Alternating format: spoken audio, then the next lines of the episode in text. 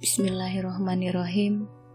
Assalamualaikum warahmatullahi wabarakatuh.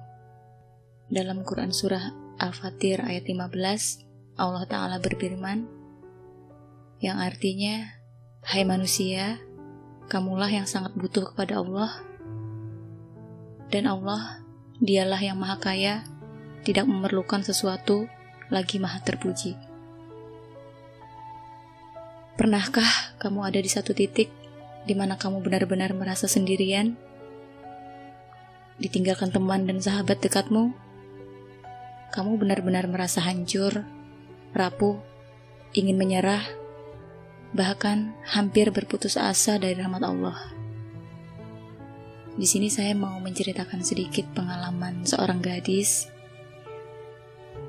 Dia pernah melakukan kesalahan besar di dalam hidupnya dia melakukan hubungan terlarang bersama kekasihnya yang dia kenal lewat media sosial. Saat itu, dia tidak punya alasan untuk menolak. Pria yang disukai memberikan janji-janji manis dengan sangat meyakinkan. Belum lagi, pria itu berjanji akan bertanggung jawab jika nanti terjadi sesuatu yang tidak diinginkan. Tapi setelah semua terjadi dan gadis itu dinyatakan positif hamil, pria itu justru menghilang dan susah dihubungi. Ya, janji hanya tinggal janji. Kamu bisa bayangkan betapa hancurnya hati gadis malang itu. Terus, ke mana dia harus berlari? Menggugurkan kandungan hanya akan menambah dosa baru baginya. Dia juga takut jika orang tuanya sampai tahu, pasti akan marah sekali. Di saat seperti itu, dia mencoba untuk menenangkan diri.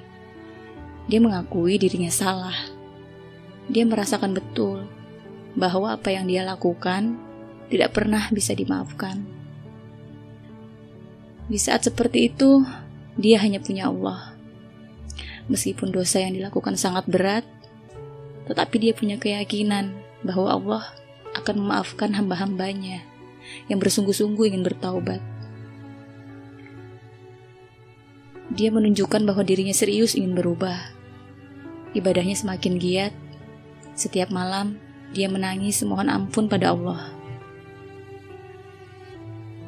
Karena dia punya keyakinan yang kuat, dia berpikir Andai orang tuanya pun menolak kehadirannya setelah tahu masalah yang dihadapinya, tak mengapa. Dia masih punya Allah. Cukup Allah baginya. Lantas, bagaimana saat kandungannya membesar? Akhirnya, dia pun beranikan diri untuk menceritakan apa yang telah terjadi. Gadis itu pasrah Andai detik itu dia diusir dari rumah, tapi ya siapa sangka pertolongan Allah datang. Meskipun orang tuanya awalnya marah besar, tapi kedua orang tuanya pun tidak sampai hati mengusirnya dari rumah. Mereka justru merangkul putrinya dan berjanji akan menghadapi masalah itu bersama. Ya, sudah se Patutnya kita sebagai seorang muslimah tidak diperkenankan bagi kita untuk bergantung kepada makhluk. Jangan gantungkan harapanmu pada selain Allah. Jangan berlebihan mempercayai seseorang, sebab bisa saja ia berkhianat dan kamu pun akan kecewa. Peganglah prinsip agamamu erat-erat. Jangan biarkan ia lepas sebesar apa pun kecintaanmu pada seseorang. Menjaga kehormatan diri adalah bagian dari keimanan seseorang, terutama kita sebagai seorang muslimah. Jangan menjual dirimu demi cinta yang semu, yang sejatinya justru membuat dirimu direndahkan. Cukuplah Allah sebagai penolong. Ingatlah Allah di saat senang dan lapang, maka Allah akan mengingatmu di waktu susah.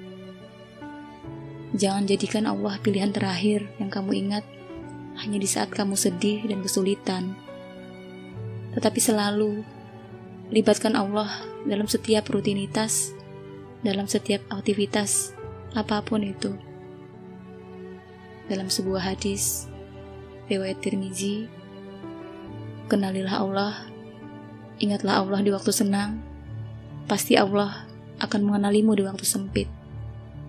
Hamparkan sajadahmu di waktu malam, bukan hanya di saat kamu sedang kesusahan, melainkan juga di saat kamu merasa senang dan lapang.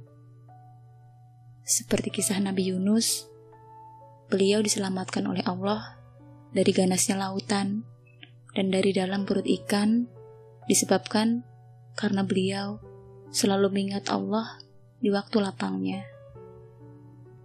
Bergantunglah hanya kepada Allah. Dia tak pernah ingkar janji seperti manusia yang sering lupa.